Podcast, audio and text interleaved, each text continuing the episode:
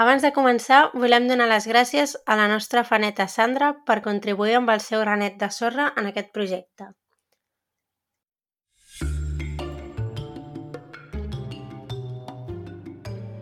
Benvinguts a Malandre Criminal, el podcast on comentem documentals de crims de la manera més cutre possible, perquè no sabem fer-ho millor. Jo sóc la Carla. Jo sóc la Marta. Jo sóc la Clara. Ai, us haig d'explicar una cosa. Aviam, Vinga. dale. Avui m'ha vingut ma mare, bueno, hem tornat, m'ha passat a buscar al migdia i anàvem cap a casa i m'explica, diu, és que t'haig d'explicar el que m'ha dit avui un nen fent tallers de manualitats. És un nen, perquè us poseu un context, que té com 4 anys i és d'aquells nens en plan, que els mires i tu saps que tenen com... Són com el dimoni. Doncs pues una mica això. Carla, pobret. T'ho juro, que aquest nen és dolent. És Sí. així, no passa res. És igual. La cosa és que estàvem parlant, és, bueno, les preguntes de sempre, no? I tu què vols ser de gran? No sé què. I, tota, i les nenes, en, bueno, les nenes i els nens, tots en plan, pues veterinari o metge o no sé, coses d'aquestes. I ara li pregunta a aquest nen i li diu, tu què vols ser de gran? I li diu, assassino. Hòsties! Li Hòsties! diu, i li diu, i, assassino? I diu, sí, com el meu tiet. Hòsties! No! Hòsties! I li diu, i li diu mare, però el teu tiet és assassino? I diu, bueno, no, però té moltes espases i katanes i pistola. Ah, bueno. bueno. Total, que després li ha anat a imprimir un dibuix, després li ha anat a imprimir un dibuix i totes les nenes i els altres nens en plan, pues jo del Thunderman, jo dels unicornios, jo de no sé què, diu, jo vull un dibuix d'una katana. Hòstia. Estàs, estàs I he assassinat. Pensat, assassinat. això, sense noms ni res, ho haig d'explicar al podcast. Total, que Uau. res, el nen assassino. Ah, aquest nen necessita atenció psicològica. Eh, sí, Hòstia. sí, sí, però en plan fotut, greu, eh? eh? O sigui, urgent. T'ha fotut el noi. Quatre Bueno, anys, M'encanta que sigui com el meu tiet. com el meu Sí, tiet. sí. Vull dir, el referent, eh? El referent Yes. assassino. Jo m'he fotut. pensat que estaria a presó, el tiet. Clar, jo he pensat, mira, igual li podem fer, li podem fer una entrevista. Però no, és només perquè té katanes, espases i no sé quines altres coses. Bueno, Ah, Home, aviam, Bueno, tenir bueno. espases i katanes ja... mm, podria ser red pitjor. flag. hi ha gent que les col·lecciona. Sí, bueno, still red flag. Sí, Sí. una mica. No anava a dir-ho, però sí, sí. Bueno, no passa res, no passa res. Aquí? Pues ja he explicat l'anècdota. No, no, Vale. meravellosa, meravellosa. Sí, increïble. És que els nens et surten amb cada una a vegades que dius, guai, o sigui, uau. Mm. Sí, sí, però tan feliç, eh? Vull dir, cap problema, ell. Bueno. Noies, el d'avui potser és una mica llarguet.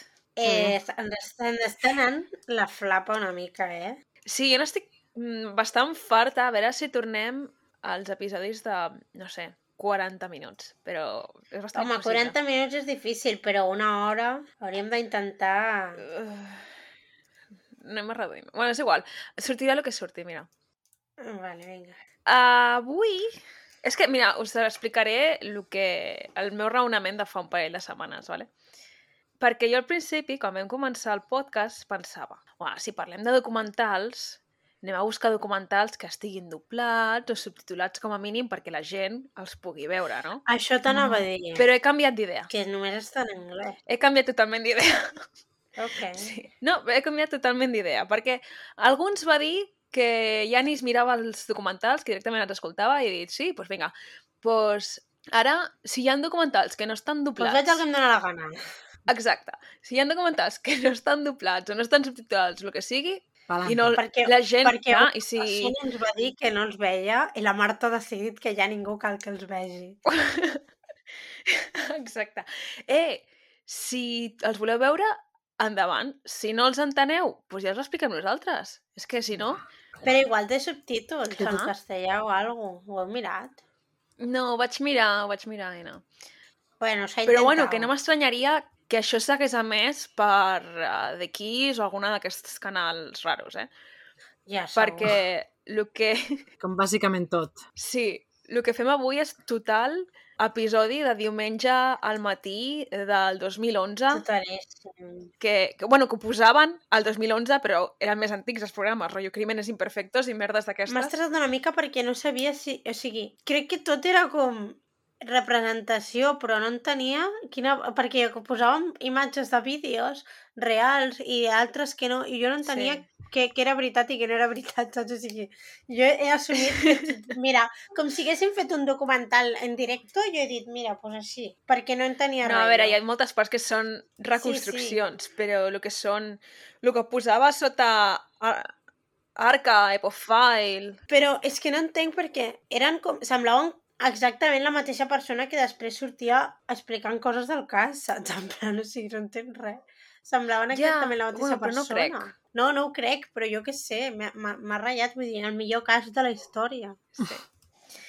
Bé, aquest documental l'he trobat a un canal de YouTube que es diu Real Stories, que hi ha molts documentals allà sobre coses Està vàries. molt bé.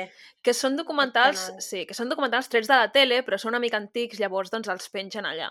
I són com de diferents canals i coses així.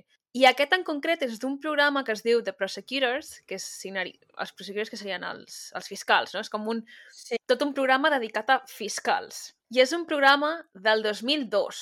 Uh, en concret, això dona una mica igual, però en concret, temporada 3, episodi 12. Vale? Per si algú vol veure per una altra banda. Clar, si algú vol buscar, doncs endavant. I si algú vol veure el d'aquest canal, que ens ho digui, li passarem el link, tant igual. I, I res, ja està. Això és tot el que jo tinc a dir per ara. Molt bé. Guai. Perquè algú m'ha de fer la pregunta, perquè és que... Ah, sí, sí. Ah, sí, Em, sí, sí. Marta, Marta. Quasi un any de el podcast. malandrí d'avui? Quasi un any portem, eh? Sí, sí, Ah. sí. Qui és, qui és Qui la el malandrí d'avui? Marta, va. Ens... En tenim dos. Oh! Oh! El Leonard Lake i el Charles Oh. Ng, Ah, Oh. Oh! que són assassins en sèrie. Oh! Per què? Perquè aparentment uh, jo Oh, només faig això. Sí, Sí, lo qual, Sempre lo vaig- lo qual preocupa. Anem a dir-ho també. Els últims 3 o 4 episodis que he fet jo han sigut tots assassins en sèrie, no sé. Sí. També et dic, Preocupant, nosaltres aquí preocupant. jutjant, jutjant red flags de la gent i nosaltres tenim un podcast de crims, no sé, en plan, Ja, bueno. sí, quin és el nostre rotllo. És comentari social, Carla. Vale, vale. No és el mateix. Vale, ens hi posem. Uh, hi haurà coses que igual les dic molt per sobre o me les acabo saltant perquè com que és un programa que estava fet per la tele és molt repetitiu i es nota molt on hi havia els talls per anuncis i llavors quan tornen dels anuncis tornen a repetir tot el que han dit abans. Llavors és com Sí, molt repetitiu. Resumillo. Mm. Sí, i tota la part del judici, que és una com part important del, del documental, perquè tot el documental va sobre els fiscals, com que me l'he passat una mica per sobre, perquè és que era altre cop repetir tot, però des del punt de vista del judici, i era una mica avorrit. Ara aquesta prova, ara aquesta prova. Exacte. Ara que dius, bueno, vale, ja, Sí. ho hem entès. I tot són coses que ja havien dit, ja havia, s'havia mencionat, per tant, whatever. Però bueno, tot això passa, o sigui, comença a San Francisco el 2 de juny del 1985. I el que passa és que de, des d'emergències la policia rep una trucada d'un robatori que està- s'està produint. Estan veient un robatori i els testimonis diuen haver vist un home asiàtic robant una premsa de treball que no sé si realment es diu premsa de treball, però és la millor manera que ho puc descriure. Um, sabeu aquestes coses que estan als tallers, que tenen com, Mm, no una roda, però com un, un pal que gira i bàsicament s'obre i es tanca per poder agafar les coses fort. Sí, sí. És que l'he posat com a premsa de treball, però realment no sé si, si es diu així i no sé si m'explico. No sé si es diu així, però sé què vols dir. Vull dir que ja s'entén, eh? Jo crec. Bueno, una cosa. Una cosa que pesa bastant. Però bueno, ha robat allò. que random que tot comenci per aquesta tonteria, eh? Sí. Doncs aquest home roba això, però quan el veuen i veu que estan trucant a la policia, ho llença al maleter d'un Honda marró i ell arrenca a córrer. Ell no es puja al cotxe ni res. Llavors, quan arriba la policia, el cotxe segueix allà i comencen a registrar-lo. Comencen a obrir-lo, troben una pistola modificada il·legalment, un silenciador, i de cop, de la botiga on s'havia robat aquesta premsa, surt un home tot esbarat dient que és el seu, el seu cotxe, que és a la premsa que ella l'ha agafat el seu amic que ja l'ha pagat, no sé què, o que va a pagar-la o alguna així. Però els policies diuen, vale, vale, Nah. cool story, però i aquesta pistola mm, mm, potser haurem de fer una mica d'investigació. I se l'enduen cap a la comissaria. I mentre se l'enduen a la comissaria, el detingut comença a dir que el seu amic, que és un home asiàtic, es diu Charles Ng, que és un desgraciat, que és el que ha robat, que ell no té res a veure, bla, bla, bla. I al final se l'enduen a la comissaria, el tenen en una sala d'interrogatoris i diu que es diu Leonard Lake, uh, no sé si ho admet o descobreixen que és un fugitiu, però bueno, accedeix a col·laborar, però el primer que vol és paper, llapis i un got d'aigua, i que el deixin tranquil. Mm, Red flag. Red flag. Li donen el paper, el llapis, l'aigua, els policies surten de la sala d'interrogacions i quan tornen a entrar, Lake està convulsionant-se al terra. El porten a urgències, però... Una mica plot twist. Sí, de cop entren i se'l troben al terra allà donant Sí. sí. vots i, bueno, tenint com un atac. Però de camí cap a l'hospital no arriben. A l'ambulància ja diuen, vaja, està més que mort. Oh, I a l'autòpsia quina pena. A l'autòpsia s'adonen que havia ingestat unes càpsules de cianur. Saps aquestes pel·lícules... Ai, aquestes pel·lícules. Aquestes pastilles que surten com a les pel·lícules pels espies, per suïcidar-se i aquestes coses. És heavy. Sí, doncs això. Sí. Un altre red flag del senyor. Qui té càpsules de cianur? Jo no sé d'on ho treus, això. No ho sé. Jo és que... No ho sé. Però bueno. I ha deixat una nota, ¿vale? A la nota diu... Bueno, va dirigida a una dona que es diu Lynn, eh, diu que l'estima i que prefereix ser lliure en el sentit de que prefereix morir abans que, que l'empresonin o alguna cosa. Aquesta és la nota de suïcidi. I llavors la policia diu, bueno, aquest senyor l'ha palmat i anem a buscar l'altre, no? I fan un ordre d'arrest pel Charles Ng, per robatori, inspeccionen el cotxe, no sé què, i amb la matrícula descobreixen que el cotxe en realitat és d'un home que es diu Paul Costner, que portava set mesos desaparegut. I diuen, mal, mal rotllo. Trucant a la detectiu que portava la desaparició del Paul Costner, que resulta... vaya vibes, eh, aquesta detectiu. Vibes de què? Vaya vibes. Vibes de bollera. De què ha de ser? De què ha de ser? Ah, aviam, és que vaya pregunta. Home. A estas alturas Home. del podcast. De què han de ser els vibes? Home, la Clara ja ho sabia. Que... No, és que ja et coneixo. Ja et coneixo. Joder, és que no passatge. penso unes coses interessants. M'haig de fer un altre podcast per veure documentals de crims i dir qui té vibes de, de LGTB i qui no. Eh, en aquest documental... Tothom! Tothom! Home, els de la secta, els dos del final de la secta de la colònia Dignitat, Sí, aquells, em tenen el cor robat encara. aquells eren monos. No, bueno, en plan, jo què sé, és, és l'energia que desprèn aquesta senyora. Vale? No, no ho has vist superclar, és que jo ho he vist claríssim. No, no, jo... Si, ti- si tingués Instagram segur que sortiria amb la seva dona i tres o quatre gossos. No gats? Gats no? No, gats, no, no tenia pinta de gats aquesta noia. no. No. Vaja. Ah. En fi, Uh, bueno, doncs aquesta senyora explica... explica que uh, el Paul Costner va desaparèixer quan va a ensenyar el seu cotxe a un possible comprador que havia contactat amb ell a través d'un anunci que havia publicat al diari. Que això, doncs, és com es feien abans les coses. Tu publiques coses als diaris... publiques un anunci al Wallapop i acabes mort. Sí, sí, És el mateix. El mateix rotllo. però it retro. Llavors, la mateixa detectiu a la vegada estava investigant aquesta desaparició i la desaparició d'una família sencera, que al juliol del 84 havien simplement desaparegut del seu apartament i havien trobat signes de violència a l'apartament, però no havien trobat doncs, ni cossos, ni sang, ni res. I aquests són la família Dubs, es diuen Dubs, a la qual m'ha semblat graciós. És un nom graciós, Dubs. És, és cookie. Sí. Resulta que uns dies abans, el pare, que es diu Harvey Dubs, havia publicat també un anunci al diari per vendre un equipament de gravació, perquè era fotògraf de bodes, no sé què, i tenia un equipament que ja no feia servir i el volia vendre.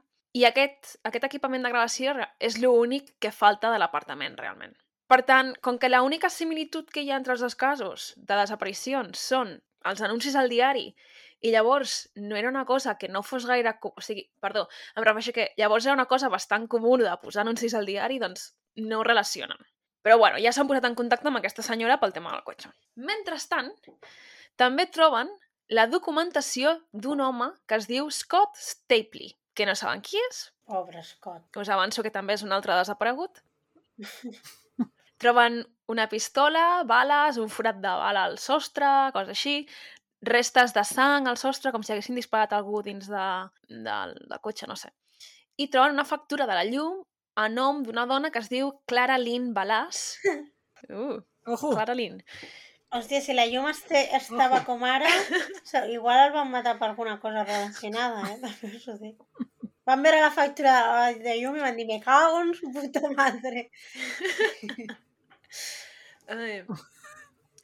doncs aquesta dona de la factura és la Lynn de la nota de suïcidi. Llavors diuen, bueno, anem. Resulta que la Clara Lynn Balàs és l'exdona de Leonard Lake. No? Feia com un any o així que s'havien divorciat i van a casa de la mare de Lake i es troben que els llora la Clara Lynn Anda. curiós. I ella els explica que la factura és d'una mena de cabanya que tenen al bosc, que està cap al nord de Califòrnia, que jo ho he estat traduint com a cabanya, però no és una cabanya. Vull dir, és com una casa de camp... Mm, És que és difícil de descriure una sí, mica. no és una casa de camp en plan maca per anar a passar cap de setmana, sinó una mica... És com un terreny gran No, és una casa que està aïllada i ja sí, està. hi ha un en terreny gran i hi ha com una construcció una mica cutrilla que es pot fer servir de casa. A vegades diuen que és com un ranxo, però mm, no ranxo en el sentit de que hi ha animals ni res, vull dir, no sé, és, és un terreny molt gran enmig del bosc que pertany a aquest senyor i hi ha una casa i ja allà. està. Com... Però tampoc és una casa supercutre, rotllo una barraca, saps? Vull dir, és una casa que s'hi pot viure. I mm, els policies diuen, bueno, doncs, anem. I la Lina els diu, no, no no anem. La lente... Sí, sí. Tu vas tirant que ara, ara te pillo. I, I la Lina els diu, anem demà. Els policies diuen, bueno, vale, anem demà. Però queda amb nosaltres primer, no vagis tu sola allà primer, perquè, bueno, el típic que et diuen de no salgas de la ciutat, no? Perillós. No, no per això, li diuen que no vagi perquè no corre el risc de que elimini proves i toqui res, saps? Ja, ja, ja, ja. Sí, jo també ho he entès més com això. Però és que aquí ve el graciós, perquè el dia següent queden amb la Clara Lynn al poble més proper de la cabanya i la Clara Lynn els diu ah, no, vinc de la cabanya que hem anat jo i la mare del mort a endreçar. I els policies cagant-se una mica en tot. Ante todo, És que- s'ha de tenir la casa neta. O sigui, Això- li diuen... Fa l'única Sí, cosa que li diuen que no faci. Clar, Bueno, això és molt típic, Mm. eh? En veritat. Vull dir, no en el mort, però, per exemple, ma mare, quan surt de vacances, el dia abans fa dissabte, perquè diu que si es mor en un accident, almenys que li trobin la casa bé. A casa meva netegem el dia abans de que vingui la senyora de fer feines. Saps? Vull dir...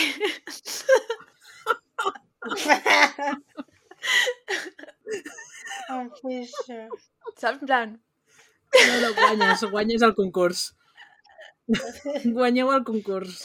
En plan, que estigui tot endreçadet, que no hi hagi res rude, que no hi... coses així. No va ser que la senyora neteja pensi... Clar, li Clar. doni un, un síncope Que a som uns porcs. Sí, sí. Sí. Fascinant. Um, on estàvem? Sí. Doncs això, que han anat a endreçar perquè diuen que el, el Leonard Lake era un porc, bàsicament, i van cap allà, i van a la cabanya, i al costat de la cabanya hi ha una mena de búnquer, però no un búnquer sota terra. Li diuen un búnquer, però és com un edifici rectangular gris, que diuen que és com un refugi... Sembla el meu institut de barracons. Està millor que el meu institut de barracons. Doncs diuen que és com una mena de Home, refugi... fer classe allà seria una passada. Diuen que és com una mena de refugi per si hi hagués un holocaust nuclear o alguna cosa així, però vull dir... La fumada, la fumada màxima. Sí, sí.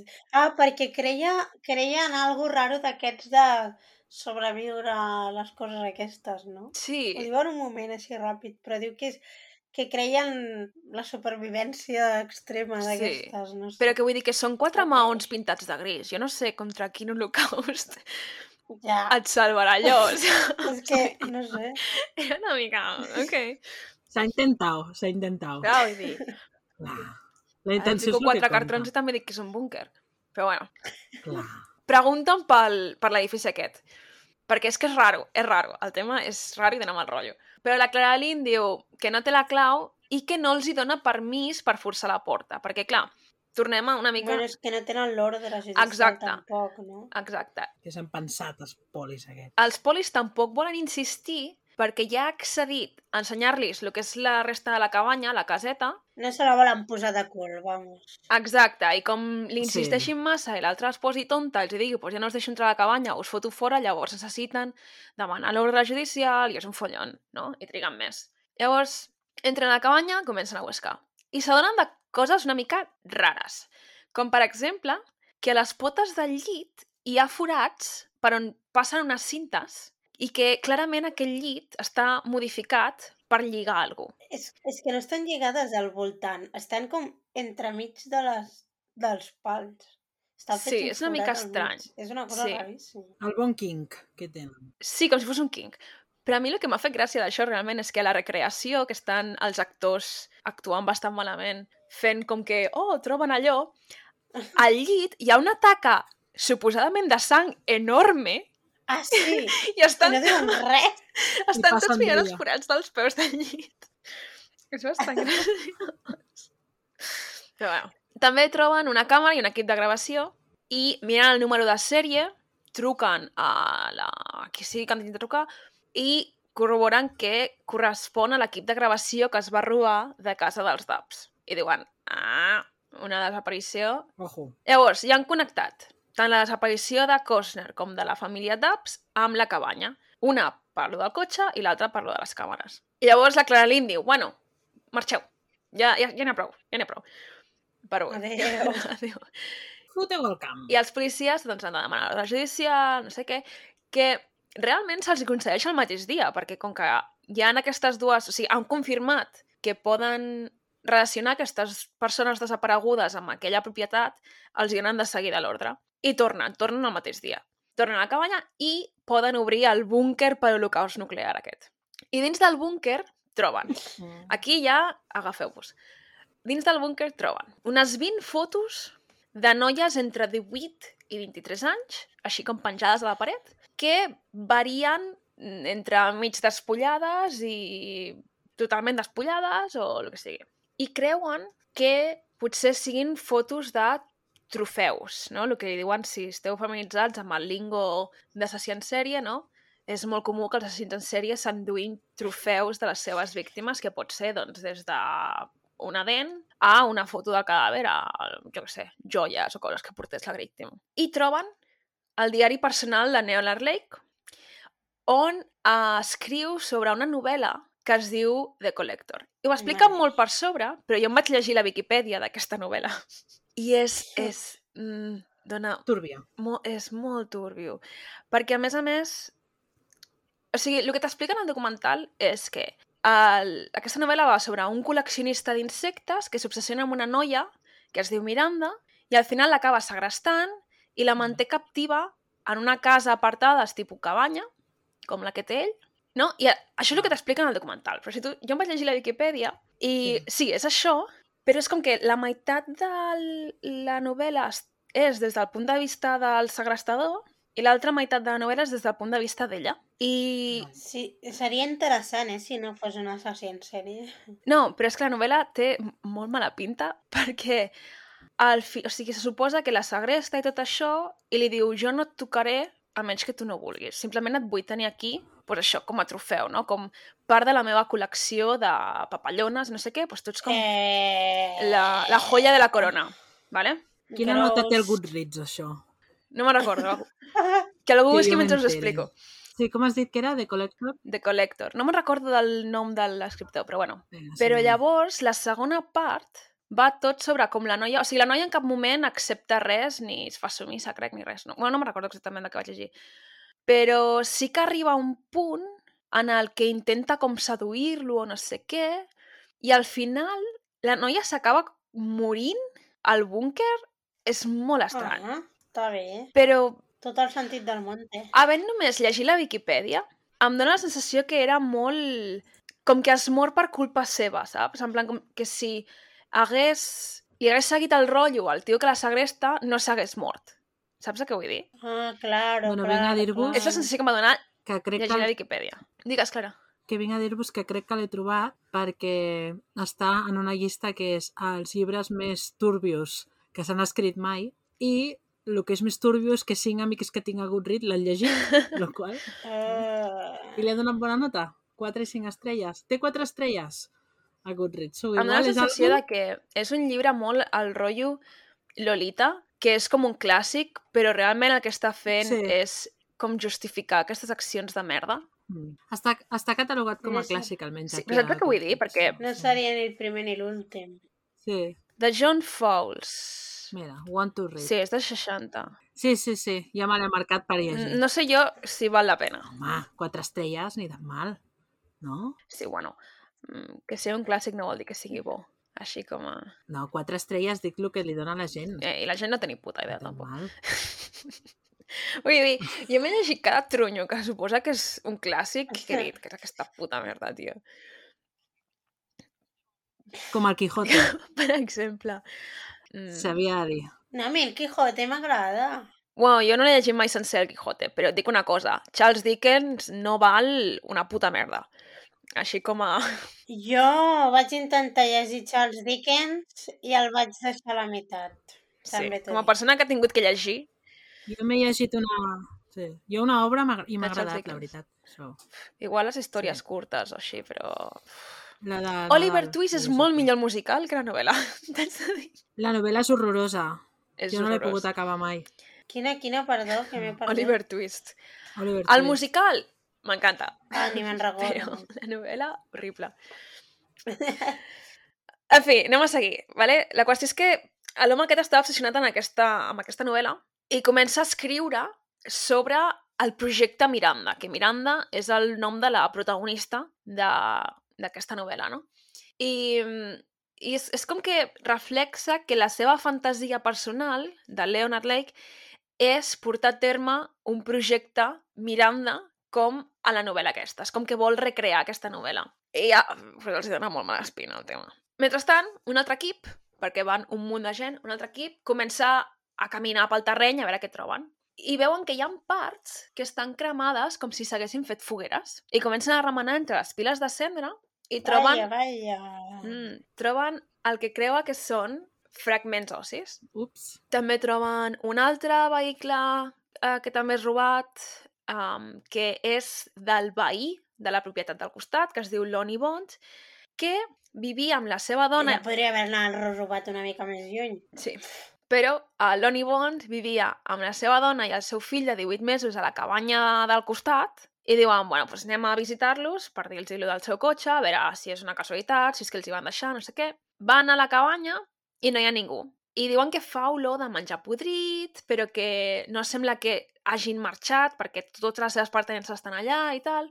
I diuen, vaja, una altra família desapareguda. Ah, que per cert, no ho he dit, aquí el fill té 18 Vaja. mesos, però és que l'altra família que desapareix també és un bebè, el nen. També té com 16 mesos o alguna així.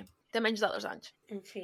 Troben un tercer vehicle, que és del uh, Robert Stapley, que és el desaparegut que van trobar el seu carnet d'identitat o el seu carnet de conduir al primer cotxe, que ja, jo, jo, aquí ja ens comencem a liar, però bueno, la qüestió és que comencen a trobar més indicis de gent desapareguda i els seus vehicles allà i coses així. Que, per cert, el Robert Stapley era un altre veí de la zona. Podria haver, cam... es podria haver mudat, eh? Sí. En I total, ja està.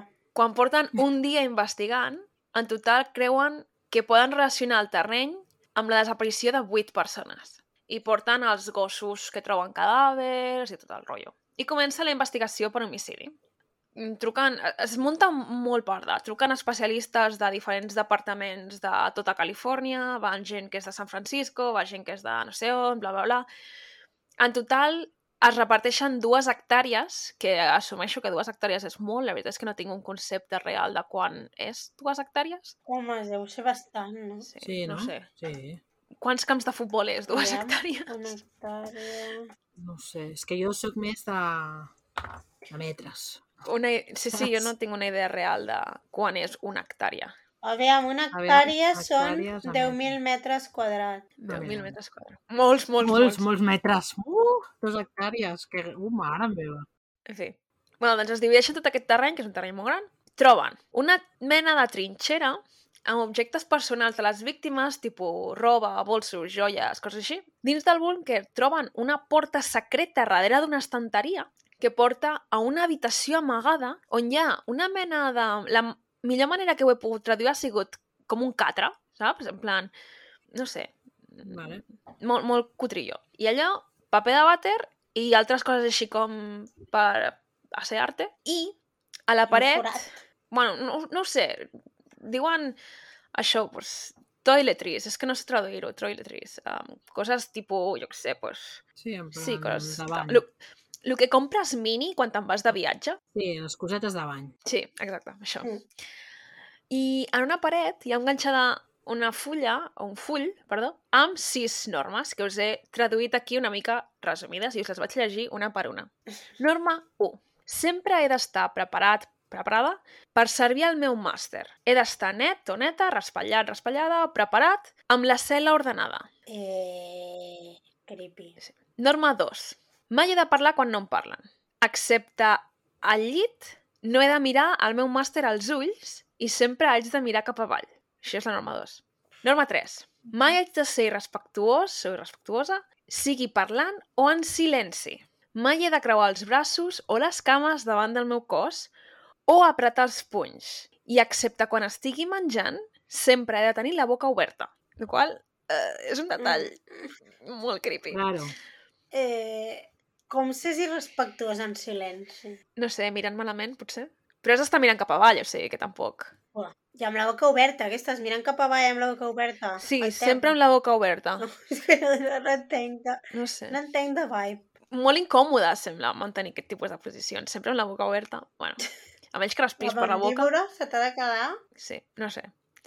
Guapa. 4. He de ser completament obedient.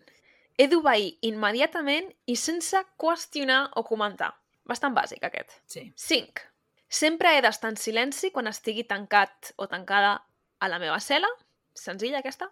I la última norma és Mm. he de recordar i obeir qualsevol altra norma addicional que se'm digui. He d'entendre que qualsevol desobediència, problema o inconvenient que causi el meu màster comportarà un càstig. Que aquesta jo crec que és la pitjor, perquè si et va afegint normes i no te les escriu, Clar, no te recordes. A mi em mataria el primer dia. en plan, si és...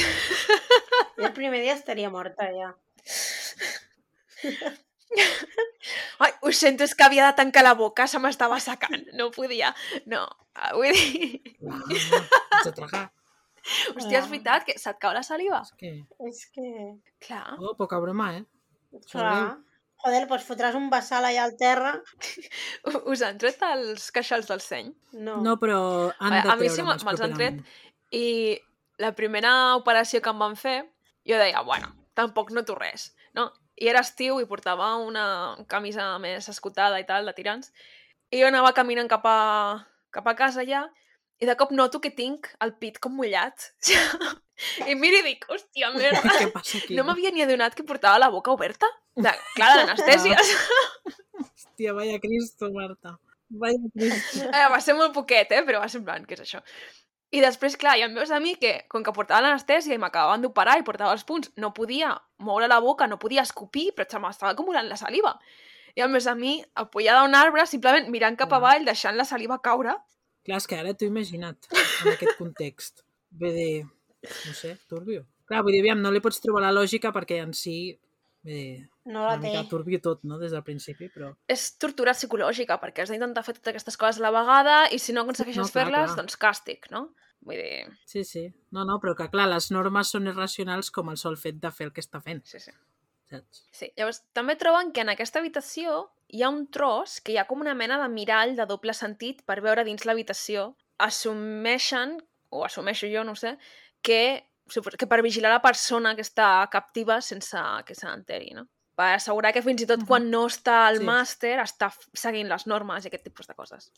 En fi. De control, no? Sí, exacte, sí. Bueno, és una, un mirall de doble sentit. Uh -huh. Veuen que les bisagres de la porta d'aquesta cel·la han estat doblegades, però des de dins cap en fora, com si algú que hagués estat tancat hagués estat intentant trencar-ho per alliberar-se'n. O sigui que algú va estar allà i va, no va seguir les normes, saps? Uh -huh. Uh, en fi, això és el que es troben dins del búnquer. Mentrestant, un altre grup troben un contenidor de pintura, no? Bueno, no sé si dir-li un contenidor, però com un pot de pintura buit, Sí. O sigui, buit, que no hi ha pintura. I dins del contenidor hi ha cintes de vídeo, d'aquestes vídeo eh, casero, no? Les més creepies. Sí. I diuen, bueno, anem a veure de què va això. Posen la primera cinta i estan tots els policies flipant perquè a la cinta eh, veuen dues dones que estan sent abusades verbalment i sent amenaçades amb violència i en ser violades per Lake, no? per Leonard Lake, si no es sotmeten sexualment. O sigui, mm, deixes que et violi o et violo. Mm, Sí. Em, tot el sentit del món. Sí. A la cinta també hi apareix un home asiàtic amb un ganivet que els hi talla la roba a les víctimes i les va despullant. I l'identifiquen com a Charles Ng, que és el lladre del principi de tot, de la premsa, que va arrencar a córrer i tal. I diuen, bueno, doncs anem a buscar aquest home. Van al seu apartament, no el troben, troben més cintes de vídeo i també troben més equipament de vídeo robat de la família aquella que havia desaparegut i tot el rotllo. Bueno, l'exdona de Lake, la Clara Lynn, l'interroguen sobre la seva relació amb el seu exmarit i amb Ing. I ella diu que col·laborarà sempre i quan se li garantitzi total immunitat. I li diuen, bueno, O sigui, aquesta ha fet una estratègia de l'hòstia. sí, sí, Sí, sí. Diuen, bueno, vale, té total immunitat per qualsevol cosa relacionada amb aquest crim, per molt que tu hagis estat involucrada, no podem fer res. I diu que realment no sap res sobre els assassinats, però que després de l'incident a la botiga on van, va robar i va arrencar a córrer i tal, Ing va anar a casa seva, la va recollir, van tornar a la botiga per recollir a Leonard Lake, però quan van arribar el van veure parlant amb la policia i van marxar. No s'hi van, van dir fora, fora. I llavors diu que Claranin porta a Ing al seu apartament i ell diu que ha de marxar de la ciutat, que no es pot quedar... Estan a San Francisco, no?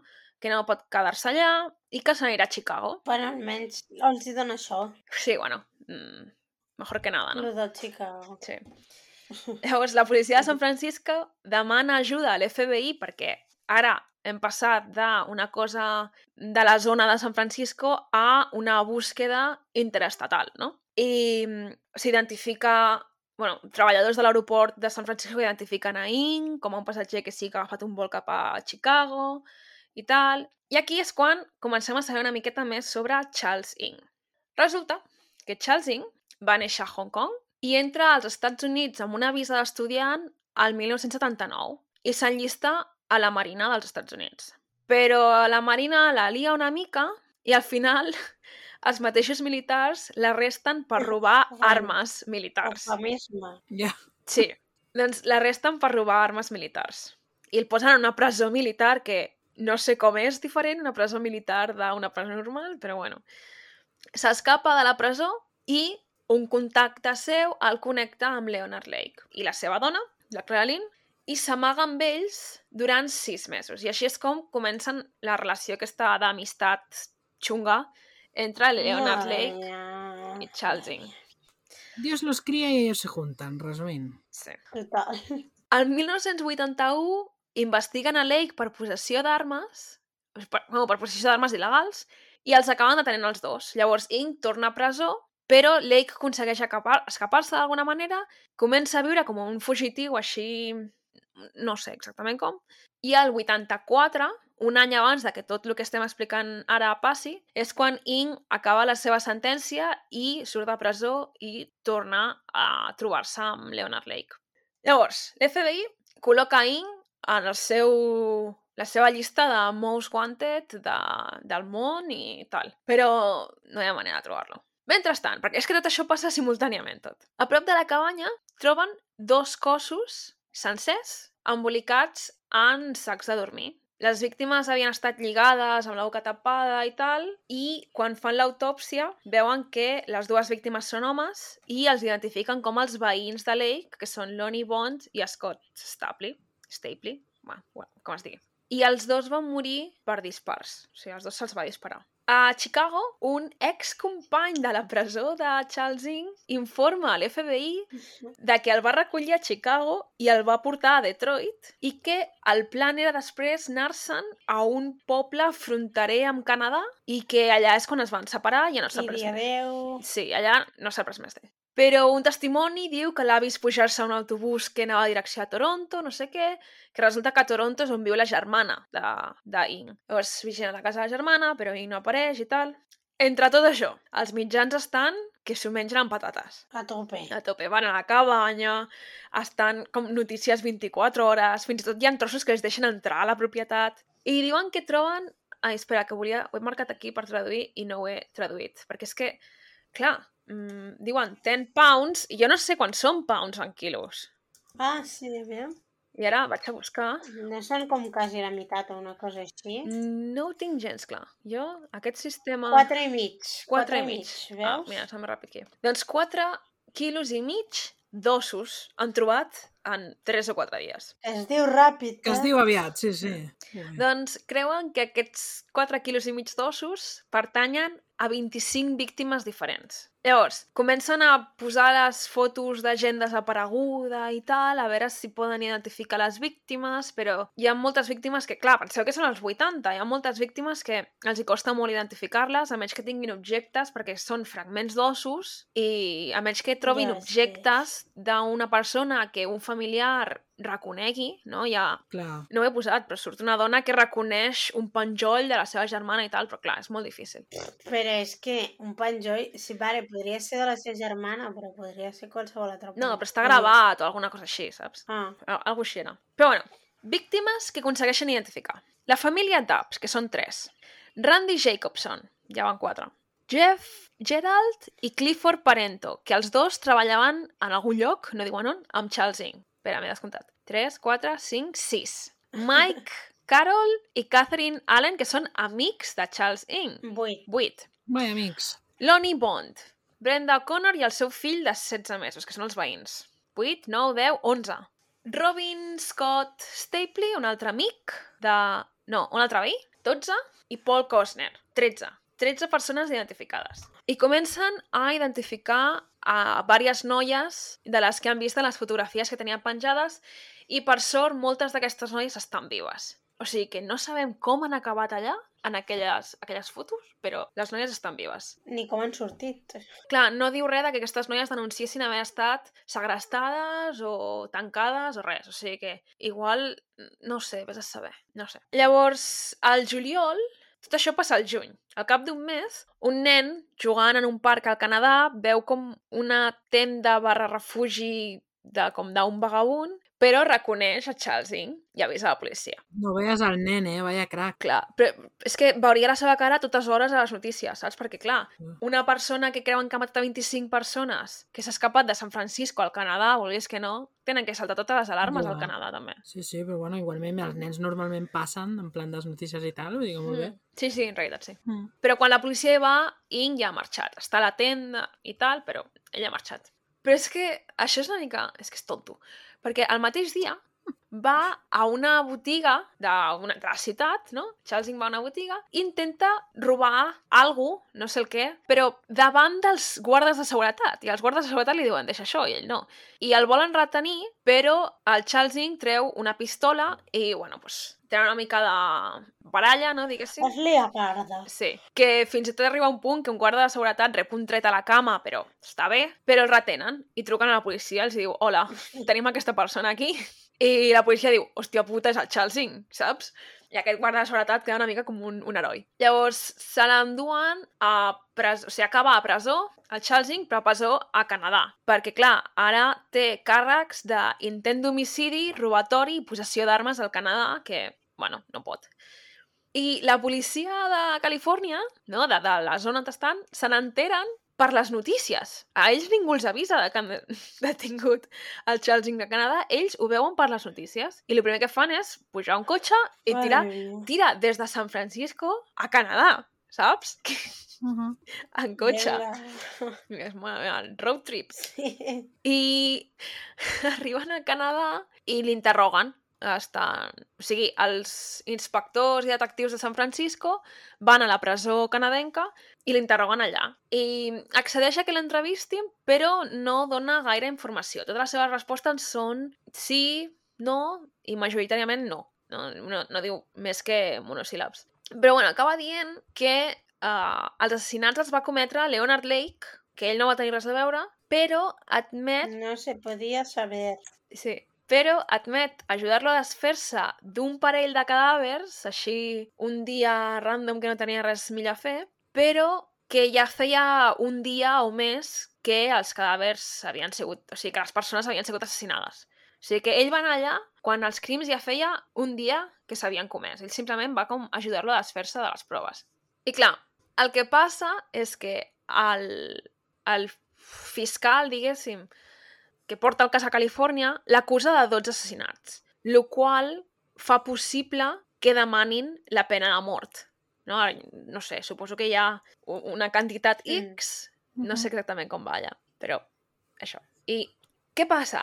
Que tenen un problema perquè Charles Ng està al Canadà i resulta que hi ha un tractat d'extradició entre els Estats Units i Canadà que diu que Canadà no extraditarà a cap pres al qual sigui possible que tingui una condemna de pena de mort als Estats Units. Però hi ha excepcions en el cas de que es puguin demostrar assassinats múltiples. Llavors, és una mica, és una mica estrany tot això. Em sembla una mica que es no sé per contradiuen. què tindrien un tractat. Per, o sigui, tenen un tractat d'extradició de presos. Si algú està buscat als Estats Units i el detenen a Canadà, doncs Canadà i Estats Units tenen aquesta bona relació, diguéssim, per intercanviar-se ja. els presos. Però com que al Canadà la pena de mort no és legal, si a la persona que es Ah, busca als vale. Estats Units... Que són persones civilitzades. Eh, Sí, exacte. Li volen donar la pena de mort, el Canadà dirà no. Llavors, clar, primer passarà aquí... Bueno, no ho sé exactament si és que fan la condemna i el judici al Canadà o li donen asil... A, a, a, com es diu? Asil, asil. Asil, asil, Asil. perdó. Uf, català. Però, bueno, també tenen aquestes excepcions per assassins en sèrie, sí, poden demostrar-ho o alguna així. Però no és només que hagin enxampat al Canadà. És que té càrrecs al Canadà per intent d'homicidi, per robatori, per agressió, bla, bla, bla. Llavors diuen, En bueno, fin. Una joyita. sí, diuen, els canadencs diuen, bueno, primer fem el judici aquí i després ja veurem si l'extraditem o no als Estats Units. I acaba rebent una condemna de 4 anys i mig, el qual fa que la seva extraditació als Estats Units es retraci tot aquest temps. S'han d'esperar 4 anys i mig Molt. per demanar que l'enviïn cap a Califòrnia per jutjar-lo altra vegada. Perquè el Canadà diu, no, no, no, primer ha de complir la nostra condemna. Llavors, Carla, quan és 40 pounds? Si 10 eren 4 i mig, anem a fer matemàtiques. Espera, Si 10 eren 4 i mig, dic... No, no, jo 4 no i mig per 4. No, per 4? No. Mare Sí, mia. Agafa el Google. Eh, 18, 18 quilos. Vale, doncs, entre una cosa i l'altra, acaben trobant 18 quilos de restes humanes a la propietat de Leonard... 18 quilos? És que és una barbaritat. Passada. Madre. I això són restes en plan És que... trossets No, minúsculs sí, sí, d'os, d'ossos. saps? No són cossos sencers. Sí, sí. És locurote. Clar, la cosa està en que... Bueno, està xunga, no?, pel Charles Ng. I ell ho sap i ho veu. T'ha fotut. Està fotut. Ell ho sap i ho veu. I comença a estudiar-se la llei estadounidense per buscar maneres d'evitar l'extraditació als Estats Units. En veritat, digue-li tonto, eh? Sí, sí. Acaba sabent-se totes les trampes per allargar el procés tot lo possible. Clar, la seva estratègia és allargar tant el procés que acaba costant-los... O sigui, idea és que acabaria costant-los tants diners al sistema judicial que potser al final no valdria la pena, no? Però no, no, els, els americans diuen aquí... Ha pensat, a, a Estats Units, capitalisme, jo lo veo. Clar. No, llavors, la- l'estratègia que té és anar rebutjant i anar despatxant els seus advocats, no? Té un advocat nou d'aquests d'ofici i a la que aquest advocat s'ha preparat el cas, el fot fora. Clar, per preparar-se el cas s'hi estan mesos. Però llavors, si a l'últim moment, quan ja s'ha preparat tot el cas, el fots fora, un altre ha de començar de nou, a començar de zero. Llavors va allargant, allargant, allargant, allargant. Un listo. Sí. Al final, al 88, vam començar el 85, ara estem al 88, comencen les vistes per acreditació i Ing perd, o sigui que se'l torna cap a Estats Units. I al setembre del 91, o sigui, comencen les vistes al 88, però es posen d'acord al 91. Per tot això que ha anat fent ell, Sí, És sí. que... d'anar retrasant, retrasant, retrasant, ho allarga, què? Un, dos, tres, quatre anys. Vull dir, Sí, sí. Déu-n'hi-do. Llavors, el 91 el tornen cap a Califòrnia. I l'han de jutjar al comtat on està la propietat. Però són jutjats molt petitons i no tenen, això és molt raro, però no tenen mesures de seguretat per lidiar amb un presoner de màxima seguretat i tal. I han de construir dins del jutjat una cel·la espacial com si fos un animal del zoo. Molt estrany, molt estrany. El tenen com dins d'una cel·la espacial construïda per ell. Allà Ing comença a liar-la. Es comença a queixar de coses, però es comença a queixar de coses molt tontes. Es comença a queixar de que el menjar no és suficientment bo. És que en veritat és un grande. Sí, és que acaba queixant-se de que el viatge entre la presó i el jutjat que ha de fer cada matí en cotxe, que el porten, ell no ha de fer res, que és massa llarg. Llavors, clar, cada queixa que posa, perquè molt que sigui una queixa de merda, tot això ha de passar per tot el procés. Uh -huh. Per tant, Es va allargant. clar, Sembla brutal. Sí. I clar, és anar malgastant els recursos d'aquest jutjat local. I aconsegueix allargar-ho tot un any més. Fins que comença la vista preliminar. Vull dir, ni tan sols és el judici el que comença. I el, el judici, pre... bueno, la vista preliminar, s'adonen que tenen realment poques proves. Tot el que tenen és circumstancial perquè no hi ha empremtes, no hi ha sang, no hi ha testimonis i, no, no tenen res realment contundent. El més fort que tenen és aquella cinta de les dones que els diuen M-Ladies i és aquella cinta on torturen aquelles dues dones que a les dues... Una és una de les dones que tenia... He posat... Tenia un bebè de 16 anys. No, 16 anys no. 16 mesos. 16 mesos. No, no. 16 mesos. Uh, pues una d'aquestes... I en el vídeo apareix com... O sigui, està manillada en el vídeo i apareix plorant, demanant que li torni el seu bebè, no sé, i diuen algo, el, el Charles Ing crec que es diu algo tipus el teu bebè està mort o algo així, saps? Bueno, no sé, coses així. Uh, una altra prova que tenen, que ofereixen i que en principi ells accepten, és el testimoni d'un company de presó del Canadà que declara que Charles Ing feia dibuixos sobre els seus crims i com matava a la gent i feia com còmics dels seus crims i li passava així com per divertiment, no? Com per A entretenir-se. sobre artista. A sobre, sí, sí, feia com còmics, com tires. Cachondeito. Sí, sí, sí, totalment. En un dels dibuixos apareix matant a un bebè. I diuen, bueno, doncs amb tot això ho acceptem. I comença el judici al gener del 1993. També, bueno, el problema que tenen quan comença el judici és que una s'ha allargat molts anys, no? I com que, no sé, suposo que aquesta sensació de... No sé, la gent està com molt cansada, no?, del tema. I a la vegada li tenen molt d'odi en aquella zona. Que se t'obliden les coses. Sí, però a la vegada tothom li té molt d'odi en aquella zona i no poden trobar un jurat imparcial. Per molt que ho intentin, no troben gent que sigui no, que pugui formar part del jurat perquè tothom el vol mort, no? I acaben movent-se, acaben movent tot el judici a Orange County, que és al sud de Califòrnia, que és en plan on està la gent molt rica i coses d'aquestes rares. Entre tot això, què han passat? Crec que he posat 8 anys, no sé si realment han passat 8 anys, però han passat molts anys, des de que va començar la investigació. I el tio sigue ahí, vivito. Mai som una font fiable d'informació. Però aquí, lo guai... Bueno, I aquí, els nous advocats de Charles Ing, perquè els ha tornat a despatxar i ara en tenen dos de nous, diuen, és que, a veure, aquí hi ha vuit anys de recerca i de papers i tal, que ens ho hem de revisar tot. Necessitem mínim dos anys i mig per preparar la defensa. I jo, jo m'imagino el fiscal en plan, Sí, sí. m'estàs dient que ens vaig esperar dos anys i mig més perquè preparis la defensa? Que té lògica, perquè clar, si comencen des de zero, s'han de llegir fins a la última queixa que ha ficat aquest senyor de...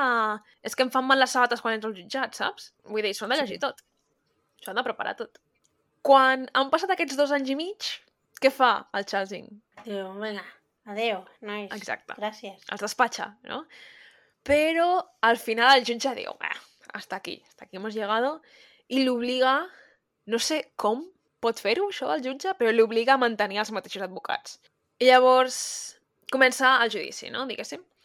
Però just abans de que comenci el judici, l'únic testimoni que tenien, aquest company de la presó, es mor en un accident de cotxe, el qual ja és Mala sort. mm, mala sort. Trist. En total han passat 13 anys, des de que es va començar la investigació fins que comença el judici.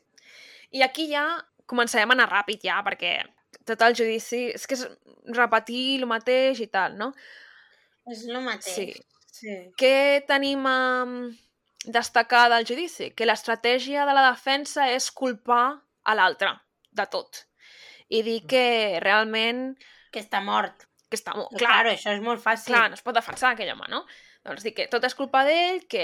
A més, però això no és un... És que jo no ho entenc perquè aquest no és un judici del Charles, del Leonard, no? Com es deia? De Sí, l'altre. Leonard Lake. és un judici del, del que ha fet aquest, vull dir, no cal que estiguis tota l'estona xerrant de l'altre, vull dir, ja ho hem pillat, la... però en plan, ara defensa't a tu, no? En plan, això no té sentit. Bueno, és la seva defensa, que és... Clar, ella es defensa dient que ell no ha fet res, ha sigut l'altre. Clar, però ara tot el judici va Sí. sí. al voltant de l'altre. Sí, fins i tot- Està mort. Arriba un moment que per la defensa l'estratègia és dir que el Leonard Lake um, era abusiu cap al Charles Ing i que el tenia una mica com d'esclau també, saps? Altra part de l'estratègia és dir que la exdona del Leonard Lake, la Clara Lynn, és realment qui estava involucrada. bueno, coses així. Um, al final, els fiscals o els investigadors o qui sigui, no? la part de, de l'altra part, no? la part que el vol mort, troben una cinta que han trobat a casa de Charles Ing, la rebobinen i troben una imatge de dos cossos en una carreta que estan embolicats amb sacs de dormir, que són aquells cossos que han trobat, però quan ho porten a les imatges a un forense, a un especialista o el que sigui, diuen que aquells cossos és superevident per com estan col·locats a les carretes, que realment sobresurten, que estan en el procés de rigor mortis. Que això suggereix que Charles Ing estava present en el moment de la mort o molt poc després, perquè rigor mortis és aquest fenomen, no?, que el cos es queda tieso, però no és una cosa que duri 24 hores, és una cosa que passa una estona després de la mort i dura potser un parell d'hores o poca estona, no? I clar, és com... Uh. Sí. Ell ha dit que va anar un dia després, però clarament estava allà. Mm. Ah, identificant també a l'altra dona que hi havia a la cinta, no? Que això crec que m'ho saltaré perquè és que dona una mica igual, ho explico. Eh, Eh, Sí, has de i trigar és que no té molt, molt a veure, no? Sí, és que aquí ja són coses com una mica sueltes, no? Pues identifiquen a l'altra dona de la cinta, expliquen com va desaparèixer, no? Expliquen que troben una màquina d'escriure perquè les famílies i amics de les víctimes sempre rebien cartes explicant les desaparicions i totes s'havien fet en la mateixa màquina d'escriure i la troben a la campanya, no sé què. La qüestió és que, mentre que tota l'estratègia de la defensa és dir que és tot culpa de l'altre, l'estratègia de l'acusació és demostrar que van ser els dos, no? I que els dos estaven involucrats en aquestes 12 morts i desaparicions. Mm. Llavors, quan ja s'està acabant el judici, Charles Ing demana testificar, tot i que els seus advocats li diuen que no testifiqui ell, però ell vol No la testificar lies i la lia un amic. Ell és un notes. Sí, és ell un notes. acaba testificant. I la lia, la lia perquè és que, bueno... Llavors, això ja és el 99, eh? Que s'està acabant el judici. Testifica que havia ajudat a Leak a empresonar a les dones, no? Però que ell mai havia tingut intenció de matar-les i que mai va accedir a matar-les. Bàsicament, negar tota aquesta part de la implicació. Ella, ell va ajudar a segrestar-les i a tancar-les i a abusar d'elles, però tota la resta va ser ell sol. Però llavors l'acusació l'enganxa quan li pregunta sobre unes coses que se'l sent dir a les cintes, que es veu que se sent a dir-li a, a l'altre ei, la peça està a la taula. I quan diu la peça es refereix a la pistola. I ell diu, no, estava avisant-lo de que la pistola estava sobre la taula perquè si aquesta dona es rebotava i agafava la pistola, que estava relativament a prop, no ens disparés i tal. I l'acusació li diu, a veure, tenies a una dona lligada, sent abusada, que a més a més els tios eren dos tios, en plan, alts i... Enormes. Enormes, vull dir, i la dona, doncs, dubto, no? Uh -huh. I tenint això tot en compte, tu tenies por d'aquesta pobra dona que no fos que agafés la pistola. Eh, és que si tenia por de la dona, pues que l'hagués deixat marxar. No sé, en plan... No té gaire sentit No el tema, No, no saps? quadra. Ell ho diu així, però no quadra. No.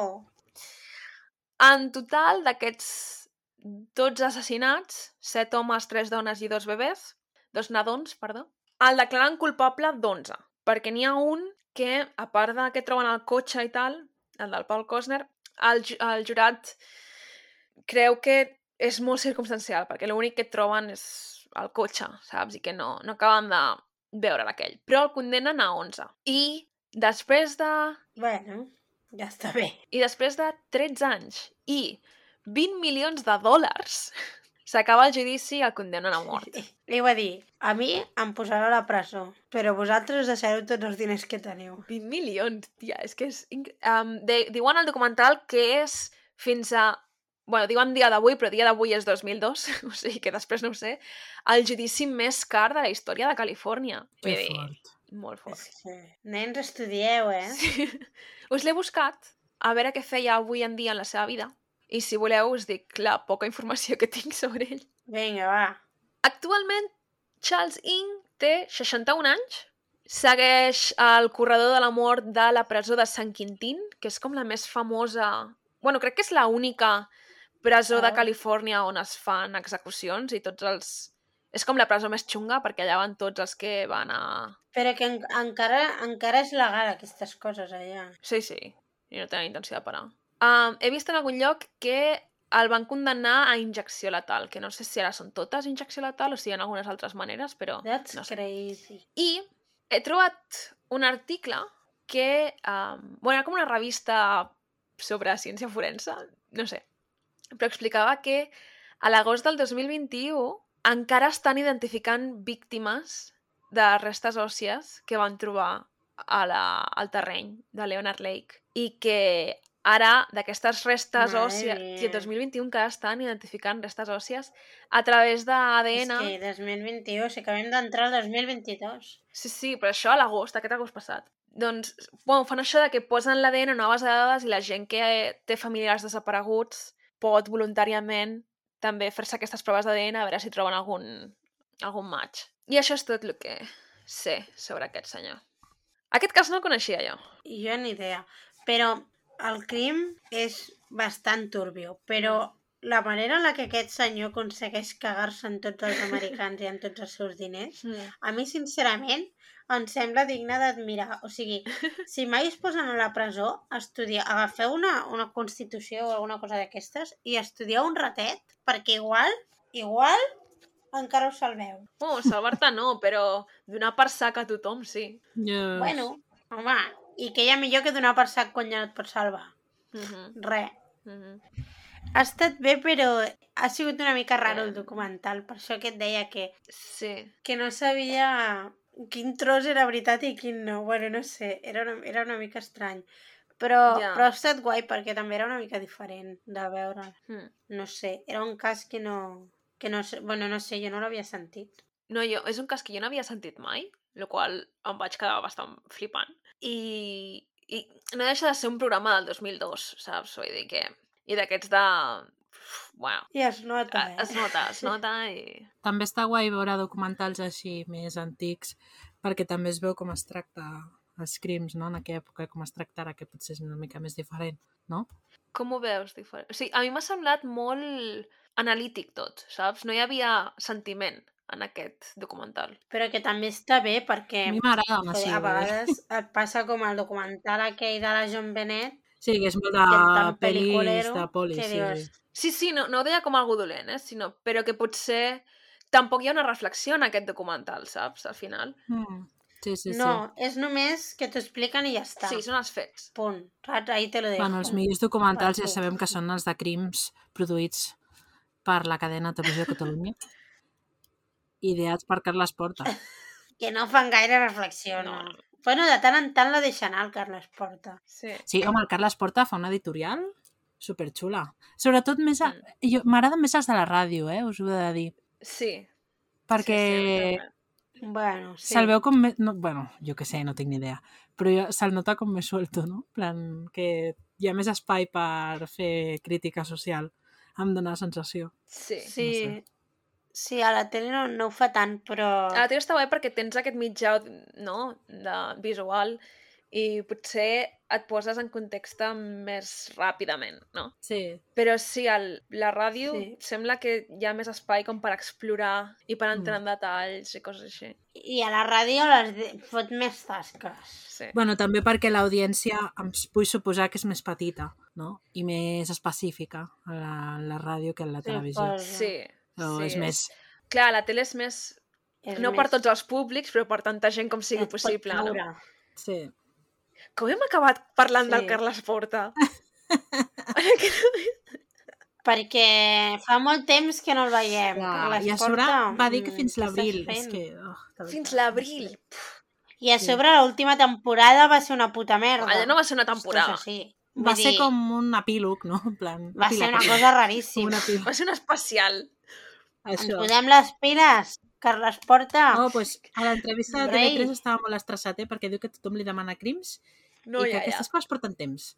Bueno, noi, pues espavilando. L'altre dia estava parlant amb mon pare de, i li estava explicant coses del podcast i tal, en plan, tota emocionada jo. I em diu, i tu creus que el Carles Porta saps qui sou? I jo, No? no. Sí, vamos, segur.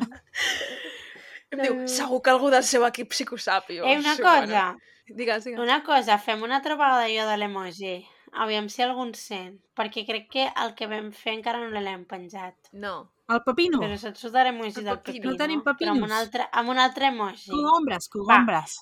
Va parlar bé. Cogombres, quin emoji pot anar bé amb aquest d'avui? Quin, no, quin emoji representa? Aviam. Que representa l'episodi.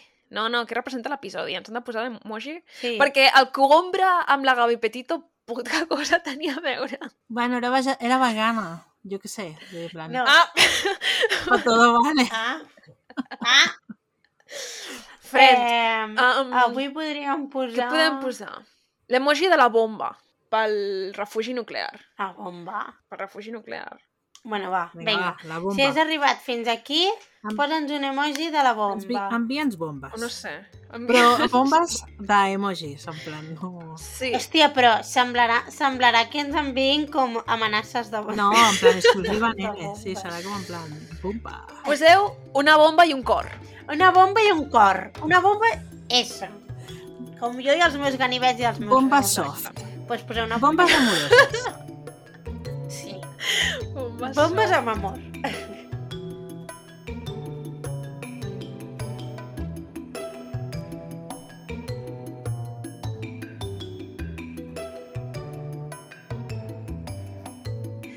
Fins aquí el programa d'avui. Si us ha agradat i us heu entretingut, podeu subscriure-us.